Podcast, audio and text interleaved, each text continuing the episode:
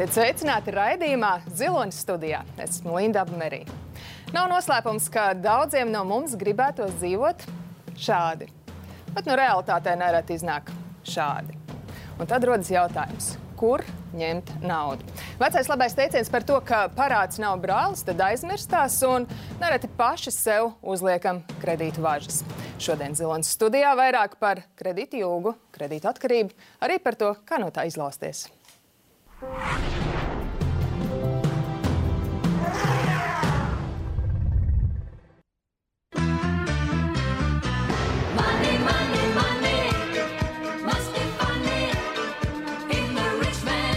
redz, kāda tematiska dziesma mūsu šīs dienas raidījumam. Interesanti, ka par naudu dziesmu ir daudz un visdažādākās. Par kredītiem jāteic gan. Īsti tādas nav dzirdētas, vai ne? Brīnišķīgi viesi pie mums šodien studijā. Labdien, man tiešām liels prieks jūs redzēt. Jānis Aboliņš, cilvēks, kuram pašam savulaik kredīta saistības teju apaļu miljonu eiro sasniedza. Un uh, psihoterapeita arī cilvēku pazinēja Ināra Vārpa. Ināra, varbūt jums būs atbildes jautājumu, kāpēc citi iztiek ar to, kas ir, ar to, ko nopelna, un tad ir cilvēki, kur aizņems un dara to arī negausīgi. Nu, tas laikam būtu garš stāsts, ne, nebūs tik laika raidījuma ietveros, bet ir pie, nauda ir um, dzīves sastāvdaļa, un, un nauda ir viens no kritērijiem vai viens no parametriem, pēc kā mēs vispār mēram uh, cilvēka briedumu un cilvēka veselumu. Ir vēl, vēl bez tā ir brīvība, vara, seks un viss, ko regulē likums. Alkohols, narkotikas, azartspēles, ieroči. Bet nauda ir tā centrālā, jo, jo ar naudu saistās cilvēkiem milzīgi daudz uh, dažādu personīgu vajadzību. Uh, tā ir vērtības izjūta. Ja man ir nauda, tad es esmu bagāts vīrs, es varu katras durvis atvērt, es par naudu varu pirkt uh, varu.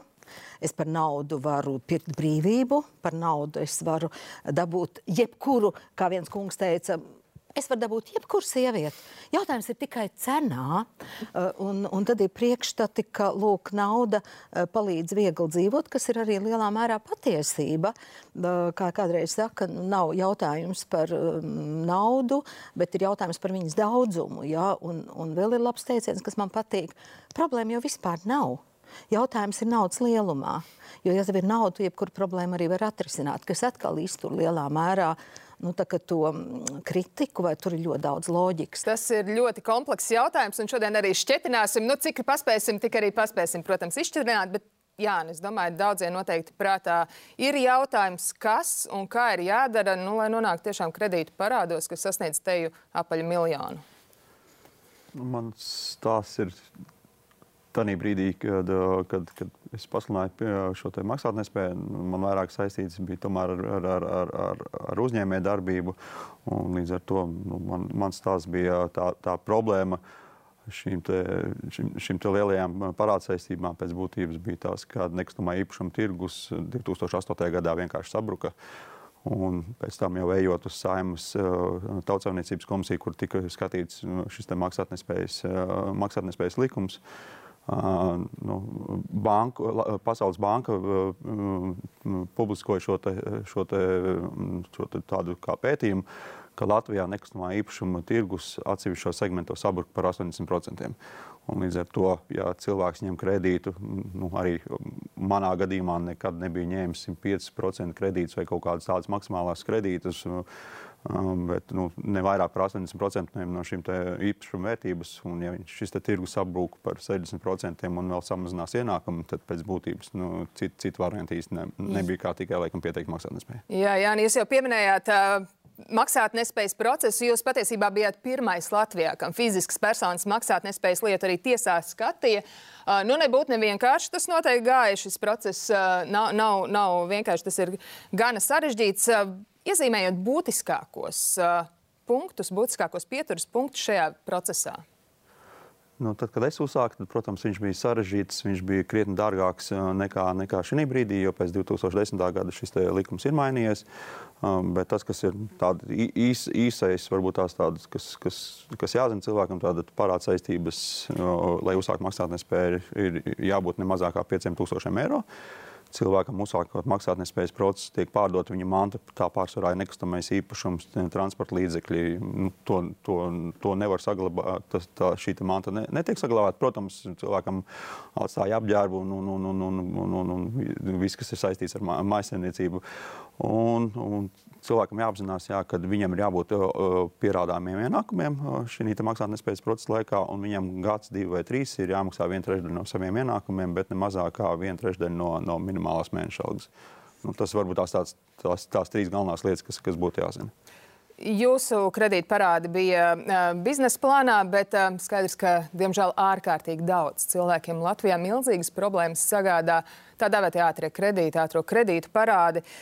Ne tikai ar iespējīgu summu, un tomēr vairākos tūkstošos mērām ar tādu tik lielu kredītu nastu ilgus gadus cīnījās Ieva. Un Ieva arī piekrita padalīties ar mums savā pieredzē. Paklausīsimies! Sākumā tas bija 18 gados. Bijušā vīra mudināta. Es pat vairs to pirmo reizi tik sīki neatceros. Kaut kam pietrūka nauda, vai īrei, vai kaut kam. Un tā es paņēmu to pirmo kredītu. Un patiesībā tas aizgāja tādā vāveres ritenī tikai pēc kaut kāda, man liekas, nu, pēc tāda diezgan jau laika, kad bija sakrājušies kaut kādi kredīta maksājumi vienā vietā, un tad es paņēmu citā vietā, lai nosaktu to pirmo, un tā uz rīņķi. Beigās es biju parādā kopā piecām kompānijām. Nu, tā sajūta ir drausmīga. Tā ir, tā ir viena no briesmīgākajām sajūtām, kādas var būt, manuprāt. Tas ir tāda izmisuma un strupceļa sajūta, un liekas, ka tā nauda laiku kaut kur pazūd. Tas bija ļoti, ļoti, ļoti, ļoti nomācoši un grūti un uh, psiholoģiski briesmīgi un kauns. Kauns, ļoti liels kauns. Ināra, gribēju lūgt tieši jūsu komentāru. Um, Paldies Jānim par viņu stāstu. Un, uh, tas, un arī uh, Ievai, tas, ko es gribēju vēl piebilst, kas ir ārkārtīgi svarīgi. Ja, jo jeb, uz jebkuru problēmu, kas arī nebūtu biznesa uh, kredīts vai sadzīves vajadzībām ņemta naudiņa, mums jāstāsta no četriem, kāpēc ar konkrēto cilvēku tas notiek, ir jāstāsta no četriem leņķiem. Pirmais ir tā saucamā fiziskā vai ģenētiskā, nu, tā kā mums, mūsu pieredze, kas ir pa paudžu koku vai mums ģimenē bijuši turīgi cilvēki, kāda ir bijusi viņu naudas pratība. Un bieži vien saka, skatās līdz pat piecām vai septiņām paudzēm. Ja? Nu, pa kā, nu, pa tēvu māte zara. Otrs ir cilvēku pašpersonībās lietas, ko jau es minēju iepriekš. Tad ir attiecību jautājums. Ja? Vīrietis, sieviete, kopējās naudas, atkal ģimenes naudiņa un, un kā tas ir bijis un kā bērns ir iemācījies vai kā bērnam ir uh, palīdzēts attīstīt attiecības ar naudu. Bet ļoti svarīgs, uh, ko abi šie cilvēki runāja, uh, ir sociālais konteksts. Cik sociāli sakārtotā vidē mēs dzīvojam. Un, ja mēs skatāmies uz savu, savu valsts pieredzi, tad cik reiz nav netika maidīta nauda, cik daudz vecāku mūs nezaudēja naudu. Un tad ir jautājums, vai mums ir sociāls garantijas vidē, nu, piemēram, cilvēku labticība. Ja es veidoju biznesu, es ticu, ka nu, kad tas ir kaut kā garantēts, ja, un tad, nu, un tad kaut kas mainās, mainās sociāla apstākļi vai, vai politika mainās, banku politika, un tad tas cilvēks ir nu, piemuļķots. Ļoti daudzi cilvēki ir labticīgi, viņa nodoms ir labs, taču viņš eh, netiek ar to galā, jo apstākļi ir tādi, kurus viņš nevar ietekmēt. Vai šī gadījumā mēs jau neko nezinām par eh, šo cilvēku, ja? kā tas nākas, ka viņš nevar samaksāt eh, ikdienas tēriņus, kā tas nākas ar viņa darba iespējām vai citām lietām, un vai vispār darba iespējas ir, vai viņš var maks, saņemt pienācīgu cilvēku cienīgu algu, lai viņš varētu nodrošināt uh, savas cilvēku cienīgas uh, nu, ikdienas vajadzības. Un, un tas ir milzīgs jautājums. Un tad cilvēks ir izmisumā, un viņš tic lakal, kad es tādā veidā atrisināšu, un tad tā, tā, tad, tā nu, veidojās šīs slimās, uh, slimās attiecības ar šiem aizdevējiem. Jā, nu jāteic, Ievas stāsts savā ziņā tiešām beidzās ļoti veiksmīgi. Viņa pavisam negaidot saņēma mantojumu. Tieši pateicoties šim mantojumam, viņa varēja arī nomaksāt uh, kredītparādus, kas bija vairāk tūkstošu apmērā. Un interesanti, ka uh, viņa arī dalījās savās, savos iespējos, ka pēc tās kredītu uh, parādu nomaksāšanas viņa ir jutusies tik brīva un viņa ir jutusies tik laimīga. Un, Uh, Ieva teica, ka es pēkšņi sapratu, ka man pēc ikmēneša norēķina nomaksas palika tik daudz naudas. Un tā ir tāda sajūta, ka paliek jā, tik daudz naudas, kad ir uh, cilvēks ticis vaļā no saviem parādiem. Man šķiet, viena būtiska lieta, ko iespējams mūsu cilvēki ir uh, arī kļūdaini pieņēmuši, nu, ir dzirdēts, es arī to esmu dzirdējis no, uh, no draugiem, paziņām un kolēģiem no Vakar Eiropas, ka tur cilvēki viena liela daļa dzīvo visu laiku uz nu, kredītu. Viņiem vien kredīti, viņi veido biznesu, viņi pērk īpašumus, uh, taču tur ir arī diezgan stabils sociālās garantijas, ka viņš šos kredītus ir arī tiešām spējīgs atmaksāt, un viņš ir sociāli aizsargāts. Tad pie mums, diemžēl, ja, nu, tas tā nav. Un tad cilvēki dzird, ok, es ņemšu kredītu, es celšu māju. Un Hei, es nevaru vairs atmaksāt, jo pēkšņi darba kaut kas notiek, un, un, un tu neesi aizsargāts. Jā, nu pavisam īsi, tad, kad jūsu maksātnespējas process bija pabeigts, kāda bija sajūta emocionāli? Mm, Sajūta bija ļoti laba, bet varbūt tās pie šī sižeta uh, divas lietas, kas ir nu, manā praksē pats lielākais un vis, visvairāk aizņemtos uh, kredītu skaits. Vienai sievietei bija du- 23 kredīti. Ātrie kredīti pie tam vēl man liekas, ka viņi bija aizņēmusies laikam visās kompānijās, kas Latvijā ir. Bet viena lieta, kas ir, ko, kas ir tāds praktiskais uzreiz padoms, vislielākā kļūda, ko cilvēki izdara, ņemt nākamo kredītu, lai samaksātu iepriekšējo kredītu. Un tas, tas, tas ir ceļš uz bezdibeni, un līdz ar to, ja cilvēkam ir jau kaut kādas parāda saistības, un viņš nevar ar šīm te parāda saistībām tikt galā, ņemot nākamo kredītu, tas, tas vēl, vēl pasliktina cilvēku šo situāciju. Nu, ko, ā, esam pieskārušies šim tematam par to, kā tad īsti neiekrist parādu bedrē, kā nepalikt bez naudas un vēl labāk, kā saņemt to sajūtu, ka ir tik daudz naudas. Par to plašāk jau pēc mirklīša.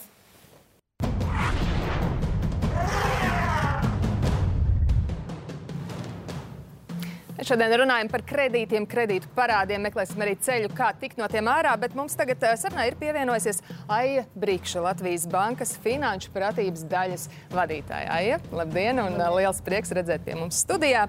Um, Mēs runājam par kredītiem, runājam arī par ātriem kredītiem. Jānis pirms mirkli minēja vairāk nekā 20 ātrie kredīti vienam cilvēkam. Tas ir galvu reibinošs skaitlis, pilnīgi noteikti.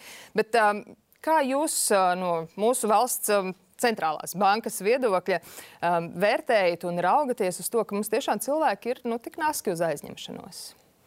Es domāju, ka tas stāsts, par kuru mēs dzirdējām, 23 kredīti vai ļoti liels aizņemtās stundas eh, summas, tas tiešām ir tāds eh, melns posms Latvijas pagātnē. Un es tiešām saku, ka Latvijas pagātnē jau šobrīd ļoti daudz kas kopš tiem laikiem ir mainījies. Un šobrīd šāda situācija, nu, viņi diemžēl ir joprojām pie kaut kādiem apstākļiem iespējama, bet nevairs tā, tā kāds bija kādreiz.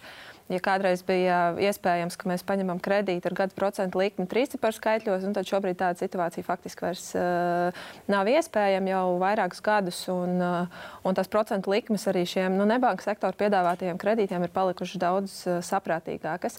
Tāpat arī par to, cik vietās var aizņemties, par kādām summām. Uh, tās lietas pamazām kārtojās, un, un daļa no viņām tiešām ir sakārtojušās. Bet mēs redzam, jā, nu, ka tā iespēja uh, cilvēkam uh, paņemt vairākus kredītus uh, teiksim, dienas laikā, viņa šo, jopro, joprojām šobrīd ir iespējama.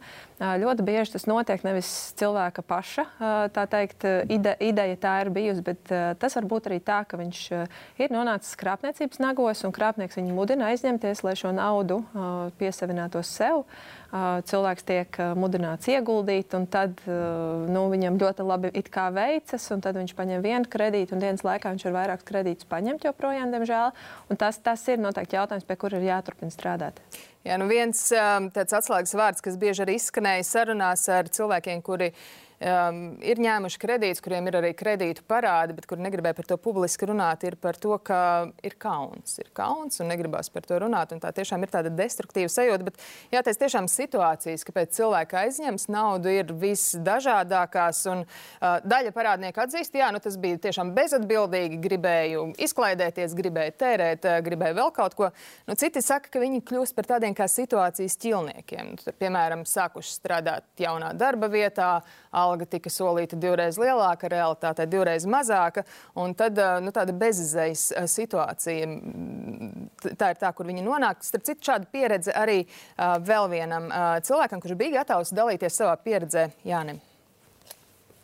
Tas nav tā, ka cilvēks izvēlās, es tagad aizņemšos vienkārši tādēļ, ka es to varu. Nē, stāsti par to, ka tajā brīdī, kad uh, tavs sieva ir stāvoklī un varbūt jums dzimst vairāki bērni, kas bija mūsu gadījums, tu vari nonākt situācijā, ka tu esi vienīgais darba ņēmējs ģimenē. Un līdz ar to, ja ir kaut kādas nelielas problēmas tavā darba vidē, kā piemēram manā gadījumā, es aizgāju no labi apmaksāta darba uz darbu, kuru man solīja vēl vairāk, bet rezultātā maksāja mazāk nekā iepriekšējā, un arī tas bija neregulāri. Un tu strādā vairāk tādas idejas vārdā, tas tev ļoti, ļoti var sakratīt to tavu finanšu pasauli. Mūsu sabiedrībā arī manu draugu un paziņu lokā nav ierasts sarunāties par naudu. Nestāstīt, kādus kurš ir kredīts paņēmis, nestāstīt, cik kurš ir parādā, tādēļ, ka mēs to uztveram tā kā kaunu. Vienlaicīgi eh, sanāk tā, ka mēs nerunājam par naudu un līdz ar to neprotam ne par viņu domāt, ne par viņu runāt, Nu, lūk, kauns vēlreiz un atkal izskan šajā sarunā.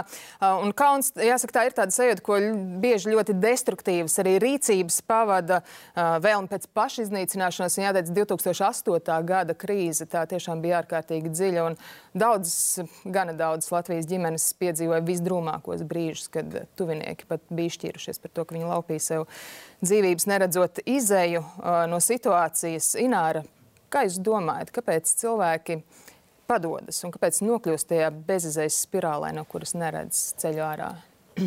Nu, protams, katrs gadījums no šiem stāstiem ir pilnīgi savādāks un būtu ļoti nekorekti analizēt šos cilvēkus, neko vairāk nezinot.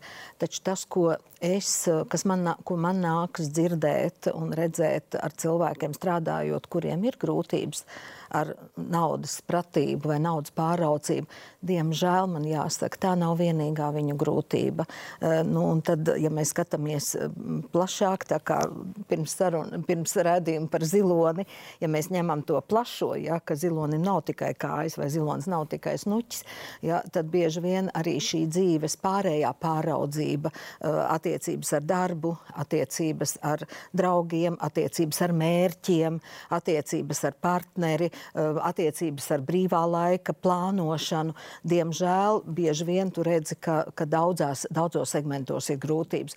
Un tad nu, tas pamatsecinājums, ka tomēr cilvēkam ar kritisko domāšanu un adekvātumu nevienmēr ir labas attiecības, nu, ka viņš tos lēmumus pieņem sev kaitējoši.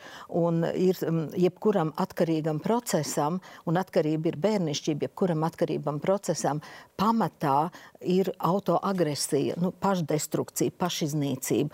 Vienalga, vai nu tu dzer par daudz, vai tu spēlē azartspēles un tādā veidā sevi iznīcini, vai tu ņem uh, 18 uh, kredītus ātros vien pakaļ otram un tādā veidā, ja tu, jo pamats ir uh, dziļa nu, sevis iekšējā nevērtības sajūta, ja trauksme, nevērtības sajūta un, un tas, kā jau es minēju iepriekš, brieduma trūkums, ja, un ka tās attiecības ar naudu uh, nav veidotas uh, drošas, stabilas un veselīgas jau faktiski no agrām dienām. Un iespējams, ka nav bijuši tie divi.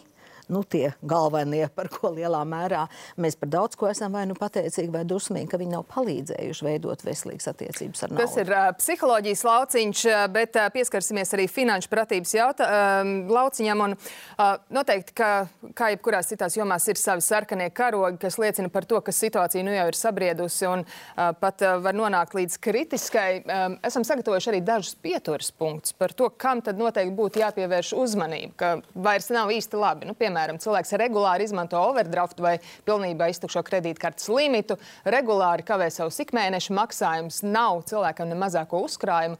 Nu, arī, piemēram, sastāda ieņēmumu izdevumu plānu, bet to vienkārši neievēro.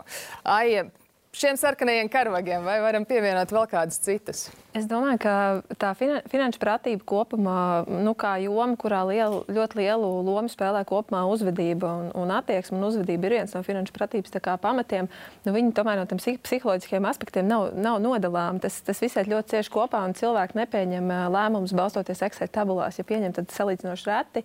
Mēs savukārt savā jomā to saucam par uzvedības ekonomiku, ko, ko mēs apskatām, ja kāpēc cilvēki nevienmēr pieņem tos pašus racionālus racionālākos lēmumus, un tā var būt. Eh, Bet, eh, bet tas, kas eh, šeit man gribēs izcelt vienu no tiem sarkanajiem karogiem, kas ir tas uzkrājumu un nekādas sev drošības tā spilvenā, kā mēs to saucam, neizveidošana. Jo tas, kas šiem stāstiem vairākiem bija kopīgs, kas nevarēja samaksāt par īri, vai manā ģimenē ienāca bērniņš. Un, tik tiešām Latvijas iedzīvotājiem, un es nerunāju par tiem, kuriem ir ļoti, ļoti zemi ienākumi, bet arī iedzīvotājiem ar vidējiem ienākumiem, nu nav tā kultūra, vai, vai tas nav iesakņojies, ka man ir maksājumi, kur ir man obligātie maksājumi, un starp tiem ir arī, ir arī kaut neliels uh, uzkrājums. Un, uh, mēs, tad, kad par uzkrājumu domājam, mēs domājam to bieži vien kā par naudu, kas paliek mēneša beigās pāri. Bet jums var apsolīt, mēs arī tiekoties ar cilvēkiem un sabiedrību, tā nu, faktiski līdz kaut kādam ienākumu līmenim, kas ir ļoti augsts, tā gandrīz nekad nenotiek. Līdz ar to viena noteikta lieta, ko var, kas, kā var nu, šai līdz šai situācijai nemaz nenonākt, ir mēneša sākumā samaksāja komunālos maksājumus, kredītmaksājumus, iemaksāja savā uzkrājumā, tā var būt kaut neliela summa, bet ilgā termiņā viņa veido ļoti lielu atšķirību, viņa var būt tā izšķirošā summa, lai nenonāktu līdz šim pirmaj, pirmajam aizņēmumam. Tā noteikti ir viena ļoti, ļoti būtiska lieta. Un pie sarkaniem karogiem, jā, nu, tad, ja mēs redzam, ka jau kaut ko vairs jau nevaram samaksāt, tas arī noteikti ir tāds, nu, ja mēs runājam par, par 30 dienām līdz 90 dienām, ja kaut kāds kredīta maksājums tiek kavēts, tas jau ir ļoti, ļoti sarkans karoks. Un tad, protams, tas ir gājiens pie aizdevēja vis, vispirms. Un, protams, tur ir kauns, tur ir bažas, tur ir sajūta. Es domāju, arī nu, ka tu cīnies pret kaut ko ļoti lielu, ka tu, tu esi tu un tev ir pretim šis aizdevējs, kurš ir ļoti liels, ar juristiem, tā teikt, apkrāpies varbūt uzņēmums. Un, un cilvēkam varbūt tā sajūta, ja, ka viņš neko nevar izdarīt, bet neko nedarot, viņš nonāk tajā spirālē. Un tas ir ļoti, ļoti sāpīgi pēc tam. Savā uh, neprasmē apieties ar naudu mums atzinās arī kādreizējā realitātes šova dalībniece Violeta. Un, uh, paskatīsimies arī, ko viņa mums pastāstīja. Es ņemu tos kredītus, jo tas bija ļoti viegli pieejamā naudiņa. Un tajā laikā man patika ietusēt, patusēt, arī aizrāvos ar alkohola lietošanu un tabaku. Un tā bija vieglākais veids, kuri iegūt naudiņu tusiņiem. Tad, kad tu esi tāds iekārsis cilvēciņš un jau esi ierauvis kādu graķīti, tev jau tā prāta funkcionēšana jau beidzas, un tad vienkārši darbojas sajūtas, ah, jāņem, nu tad jāņem. Tad, kad sauga tā visa summa, tad es sapratu, ka ir pakaļ. jo, reāli, jo reāli tur saka, pa naktā visi tie paradpiedzinējiem, un es sapratu, ka man kaut kādi ir jāpagrina tos visus kredītus, un tad es sāku likt Lombardā visus savus uh, juvelērē izstrādājumus. Visi man zelta izstrādājumi tika ieguldīti Lombardā, un par to naudu es mēģināju kaut kā pagarināt tos visus kredītus. Bet uh, tas, protams, bija neveiksmīgi, jo es. Uh, jo man palika tikai kredīti, un es paliku bez saviem skaistumiem. Nu, ko sirsnīgs paldies uh, Violetai, protams, par atklātību. Jāni, uh, esat arī Latvijas uh, kredītņēmēja asociācijas vadītājs. Tā ir organizācija, kas palīdz cilvēkiem, kas ir nonākuši grūtās situācijās. Vai daudz šādus līdzīgus gadījumus, kā Violetas gadījumā, arī dzirdat? Nu, diemžēl pēdējā, ja mēs ja paskatītos 2008. gada līdz kaut kādam 2015. gadam, tas kredītņēmēja profils, te, kur vērsās pie mums, bija tā, ka cilvēkam bija hipotekārais kredīts un ļoti, ļoti mm, retos gadījumos bija kāds ātrais šis aizdevums, kas, nu, kas bieži vien bija saistīts, lai nomaksātu kaut kādus komunālos uh, maksājumus. Šī brīdī, diemžēl, šī te, šis te profils ir mainījies. Jā, hipotekārie kredīti ir mazāk, ir vairāk varbūt tās galvotāji, kas ir palikuši vēl no 2008. gada, kur mēs, protams, līdz 2008. gadam ejot uz banku, nu, neviens nestāstīja, ko tad galvotājs nozīmē. un Mēs tagad izjūtam, nu, te, cilvēki izjūt, ko tas nozīmē, bet arvien vairāk parādās tik tiešām uh, šie ātrie kredīti. Uh, Bet vēl viena negatīva tāda tendence, ar ko pēdējā gadā vai pusotrā saskaros, ir azartspēles kur cilvēki tik tiešām ejot uz, ejot uz maksātnespēju, viņiem vai nu kauns, vai viņi, nu, diemžēl, nepasaka šo informāciju līdz galam. Un pēc tam, pēc konta izrakstiem, protams, administrators jau sākot maksātnespējas procesu redz, ka tik tiešām cilvēks visu savu algu pēc būtības ir, ir atstājis azartspēlēs.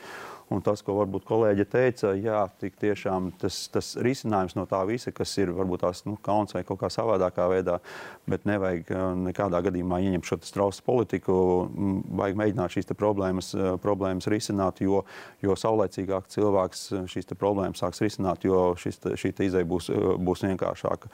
Un ik sevišķi pēdējā laikā, pēdējā pusgada laikā, kad, uh, nu, neteikšu, ka cilvēki varbūt tās finanšu pratība viņiem, viņiem pieklibo, Bet gan šī procentu likuma kāpums, kur, kur cilvēkam tik tiešām no 200 eiro šis maksājums ir izaugs līdz 600 eiro. Arī pagājušā gadā šie komunālie maksājumi no, no, no, no 150 līdz 400, 500 šie lielie rēķini.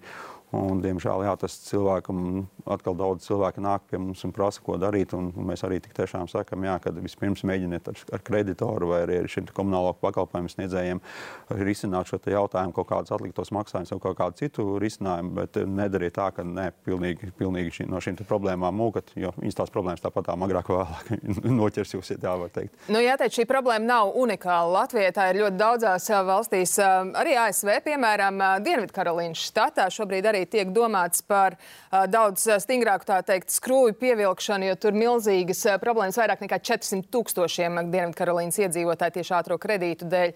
Um, savukārt Kanādā tur arī ir domāts par to, lai uzliktu ierobežojumu procentu likmēm. Um, bet, nu, savukārt, protams, biznesa pārstāvji bažījās, ka tas jau varētu arī tālākas ietekmes uz biznesu uz, uz biznesu atstāt. Uh, Ja mēs runājam par uh, kredītiem, par ātrajiem kredītiem, skaidrs, ka tie ir likumīgi, viss notiek likuma ietverā, bet, uh, protams, jautājums ir par to, ka, mm, ja cilvēks tik viegli var aizņemties uh, naudu mm, alkoholam, kokteļiem, ballītēm, uh, var jebkurā brīdī, kā mēs redzējām, kā Violets stāstīja ballītes laikā, tur kaut kas nav greizi arī šī naudas aizdevēja pusē. Kā jūs domājat? Bija, bija, bet, kā kolēģi teica, divus vai trīs gadus atpakaļ pieņēma likumu izmaiņas patērētāja tiesība aizsardzības uh, likumā, kur noteica ierobežojums, ka nevar aizdot uh, naktstundās. Tik tiešām, ka kredītdevējam ir jāpieprasa šī vai nu VSA izziņa vai vidu izziņa par, par cilvēku ienākumiem, ka viņš tik tiešām var, var šos te, šo, vismaz, viņam vispār ir ienākumi no kā sekt šos parādus. Bet atkal viens sliktais piemērs trīs, trīs gadus atpakaļ, kad uh, šī norma stā- stājās spēkā. Cilvēkam, kuram bija pasludināts maksātnespējas process, viņi paņēma divus vai trīs uh, kredītus uh, maksātnespējas procesa laikā, nu, kas ir pilnīgākais absurds. Un Līdz ar to mm, tur jautājums ir vairāk par to, ka man liekas, ka patērētāja tiesība aizsardzības centram jādod lielāks pilnvaras, lai tomēr šos te kredītdevējus, kuri neievēro šos nosacījumus, nu, sodīt bargāk nevis tur tūkstoti divus, bet nu, 10% no kaut kāda apgrozījuma, tādas nu, bargākas sodas, lai viņi tik tiešām nu, šādi pārkāpumi nebūtu. Es redzu, ka māja ir galva. Jā, man gribējās pateikt, ka tas kredīts kā finanšu produkts, viņš nav ne labs, ne slikts, un viņš tiešām var kalpot uh, mērķim. Un jāsaprot, ja šajos stāstos arī, kas ir, kas ir kopīgi, īpaši pēdējā stāstā, nu, kas ir tas mērķis, kam cilvēks uh, kredītu, kredītu ņem. Un, nu, principā arī šie nebanka kredīti, dod uh, finanšu pieejamību, piekļūstamību kaut, kādiem, kaut kādām iedzīvotāju grupām vai kaut kādām situācijām, kuras bankās šim konkrētajam mērķim uh, nevarētu aizņemties.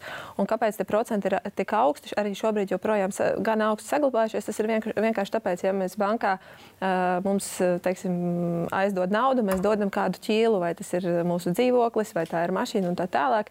Bet šis nebanka sektors, viņi visbiežāk tad dod šos bezķīles aizdevumus, kad nu, viņi uzticās, ka cilvēks viņiem šo naudu dos. Līdz ar to viņi principā uzņemas ļoti lielu risku. Un, jā, un iespējams, viņi aizdod cilvēkam, kurš aiziet uz bāru un to naudu iztērē, un viņam nav regulāri ienākumi, un, un nu, viņi par to arī samaksās.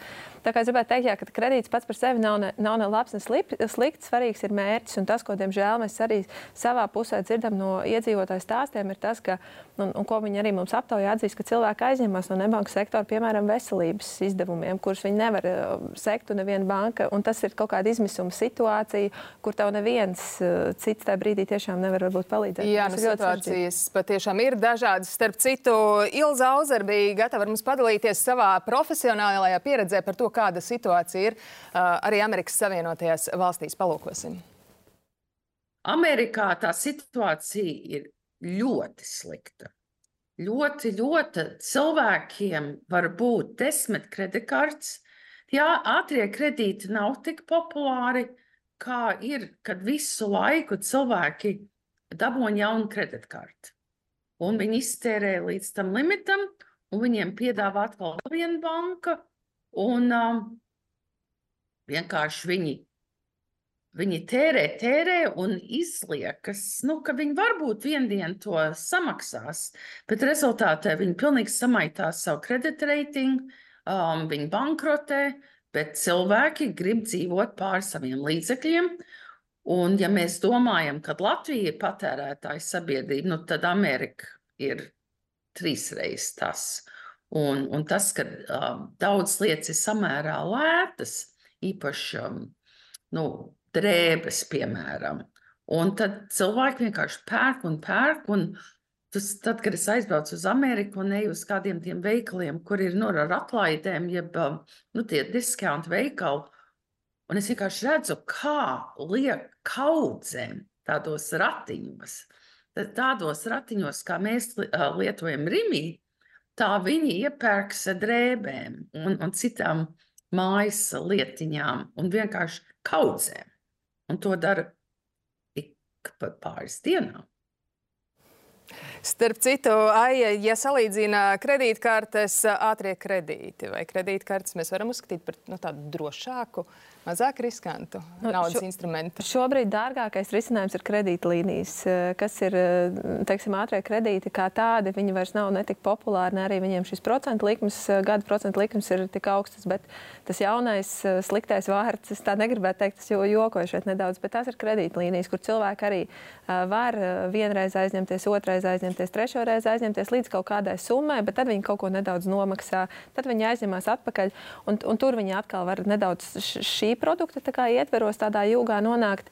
Bet nu, tādas kredītkartes, kā mēs runājam ja, par Amerikas kredītkartēm, īsti mums nav pieejamas. Nu, tādā apjomā arī Latvijā nu, pie tāda kredītkaršu lēruma tas, tas ir ļoti sarežģīti šādi nonākt. Tas, nu, jā, mums, tā, mums kopumā tās situācijas teikt, ir noregulētas līdz tādam līmenim, ka tas ir daudz sarežģītāk. Nu, ko, mēs turpināsim šķietināt šo tematu gan arī par to negausību, kas varbūt reizē mums cilvēkiem piemīt, tā ir mūsu cilvēka dabā, vai, vai tā nav mūsu cilvēka dabā. Bet pats svarīgākais, protams, kā tad īsti nenonākt kredītu jūgā. Par profilaksi jādomā tieši tāpat, kā domājat par veselību, un par to nedaudz vēlāk.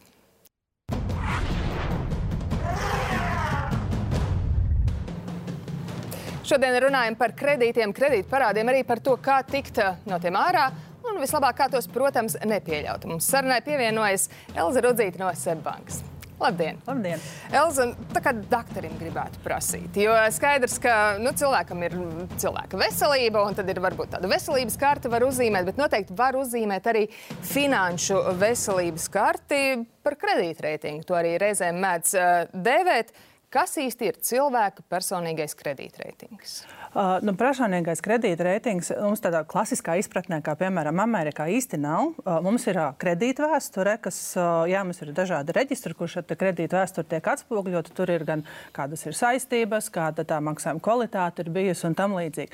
Bet pirms tāda kredītreitinga, uh, nu, tādas lietas, kas ir jā, jāatcerās, ir, nu, ir pirmkārt ir pārvaldīt to savu ģimenes budžetu. Un tā ir ļoti, ļoti svarīga lieta arī to, ko iepriekš Aija runāja par to, ka tev jāzina, kas tavā budžetā notiek par šiem uzkrājumiem. Un, tā ir tāda, es teiktu, tāda realitātes pārbaude par to, kas man tur ir, kādi man ir ienākumi, kādas man ir ienākuma pozīcijas, kādi ir obligātie šie maksājumi un kā es ar to tieku galā.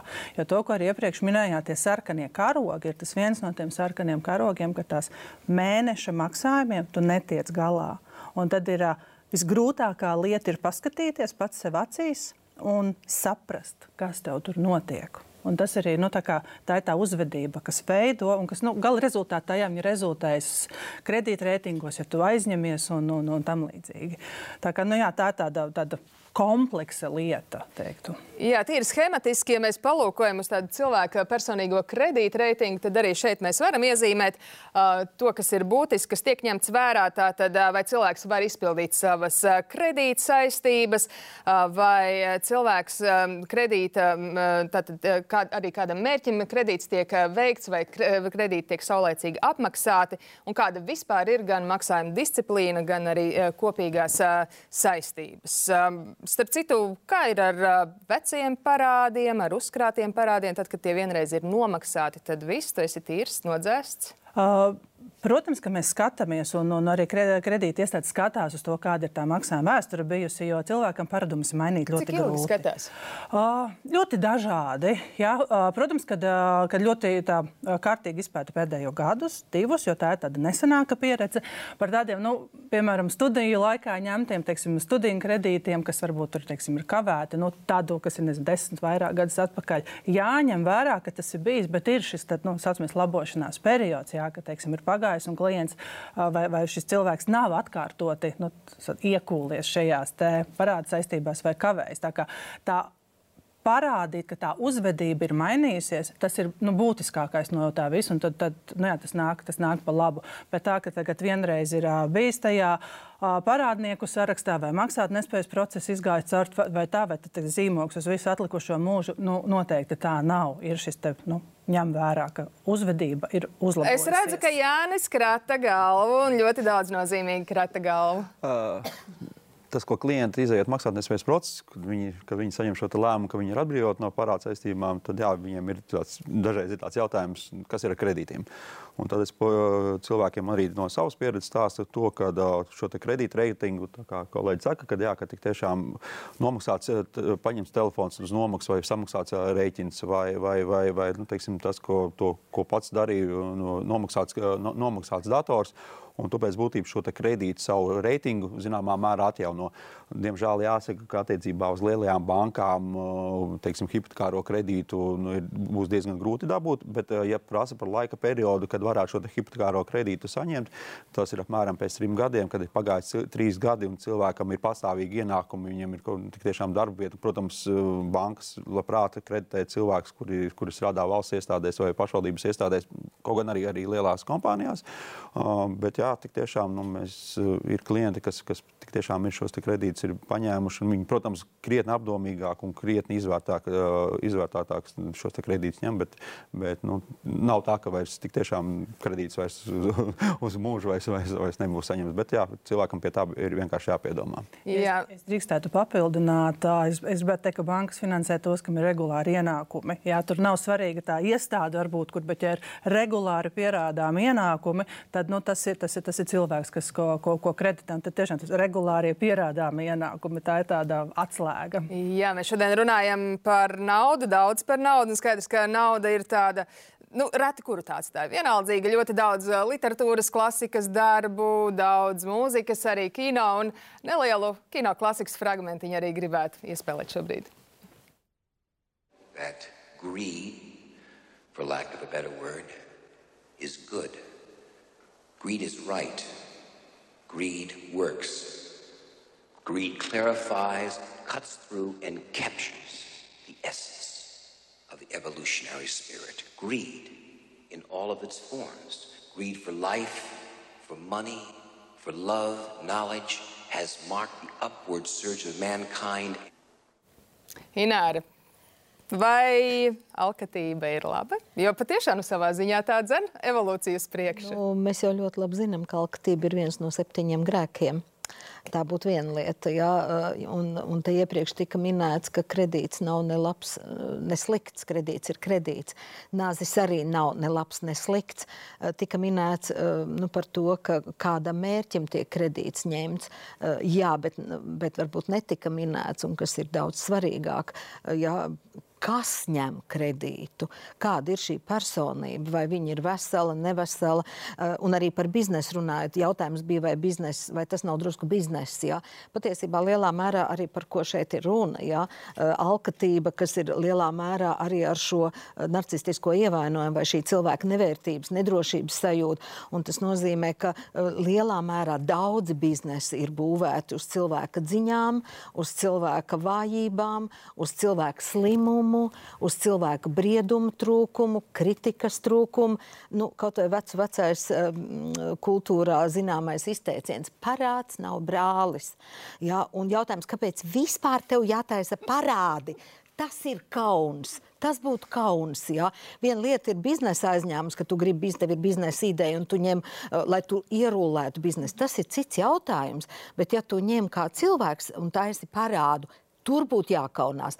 Un savukārt otrs, ja nu, tu esi iebraucis nepareizā ceļā, nu, Es iebraucu sauzās, nu, paņēmu, nevar atdot, aizņemies vēl, un tev ir tagad kauns. Ja? Tad patiesībā, jā, tev ir kaunam jābūt no vienas puses. Tāpēc, ka tu esi pieņēmis nepareizu lēmumu, eh, neadekvātu lēmumu, nees, eh, ir tāds jēdziens omnipotence, visvarenība. Es esmu liels vīrs, es atdošu, es kā par to nedomāju. Gan jau kaut kā nebūt, ja? kas ir lielā mērā bērnišķība. Ja? Un tad ir jautājums, jā, man ir kauns, man ir parādi, es esmu iebraucis sauzās, bet tad bērni kaunās un baidās un nerunā. Pieaudzis cilvēks arī kaunās. Man ir kauns, taču kā es to risināšu? Kas ir resursi, kas ir darāmais darbs? Man ir vajadzīga palīdzība, man ir vajadzīga konsultācija, kā es varu no šīm auzām izbraukt. Un, un trešais, ko es vēl visos laikos la- mūsu kultūrā, agrākos, piedošana, agrākos laikos kultūrā, runāja par zārka naudu.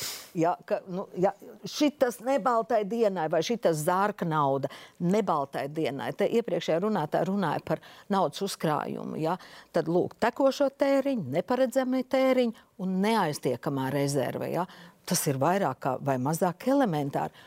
Un tad nāk jaunā paudze, kur pasakā, naudai nav vērtība, nauda nav ko uzkrāt, nav ko zeķē bāzt, viss jātērē, viss jātērē, viss jātērē. Naudas vērtība krītās, un tas arī ir savā veidā biznesa iespējams. Ja kas dzen to cilvēku, nu, tad alkatības virzienā šodien dzīvoja, a, tad rīt jau redzēs. Um, Pāris padomi, burtiski zelta padomi no jums abiem jaunai paudzei, kurai ļoti patīk tērēt. Kā neiekrist parādu bedrē? Es, es varbūt sākšu to, ka ā, jā, šis sava budžeta apzināšanās, šīs savas maksātspējas apzināšanās ir pirmais solis uz to, ka tu sāc kontrolēt šo naudu. Tā ir pirmā lieta. Otrais solis ir parūpējies par sevi. Pirmais atliec šos nu, 10%, 5%. Nu, sāc ar kaut ko šo mazumiņu, atliec priekš sevis. Nu, un, tad jau trešais, protams, ka tur tālāk jau runāt par to, kā tas uzkrājums veidojas. Un tā, un, un tas rada to drošības sajūtu, ka nu, nav nepieciešams ā, iet tālāk. Kā iepriekš minēju, saulēcīgas problēmas risināšanas sākšana ir, ir tas, tas pats galvenais, jo problēmas atlikšana, tas, jo ilgāk viņi šo problēmu atliek, jo viņi pēc tam ir grūtāk atrisināt. Līdz ar to, ja ir šīs problēmas, iet pie kreditora vai vērsties pēc konsultācijas pie finanšu, finanšu konsultanta, lai, lai, lai tiešām ātrāk šo problēmu atrisinātu. Jā, un starp citu, pats esat uh, brīvs no parādiem. Brīv- Brīvs no parādiem un, un ar, ar, mazu, ar mazu kredītu, bet pārdomātu kredītu. Nu, ko, gluži kā uh, liesmās var skatīties bezgalīgi, tā arī par naudu noteikti varētu runāt bezgalīgi. Mūsu laiks uh, ir beidzies, bet šķiet, mēs esam tiešām ļoti būtiskus pieturpunktus iezīmējuši. Un paldies par to. Paldies, ka skatījāties, skatītāji. Un atgādināšu, ka noskatīties visus raidījumus, tāpat arī turpināt diskusijas gan par šo tēmu, arī par citiem tematiem var portālā tv3.lv slīpsvītra zilonis. Un, protams, uh, klausieties raidierakstu Spotify vai jebkurā citā savā iecienītākajā lietotnē. Ko numeroloģi saka par šādu vārdu? Varbūt, ka tiešām cilvēkam ies uz urā pa dzīvi. Man patiesi daudz kas sāka mainīties un sāka notikt jaunas lietas. Jūs esat izdomājis šādu vārdu. Bērniņš taču augs, pieaugs. Kā viņam būs būt?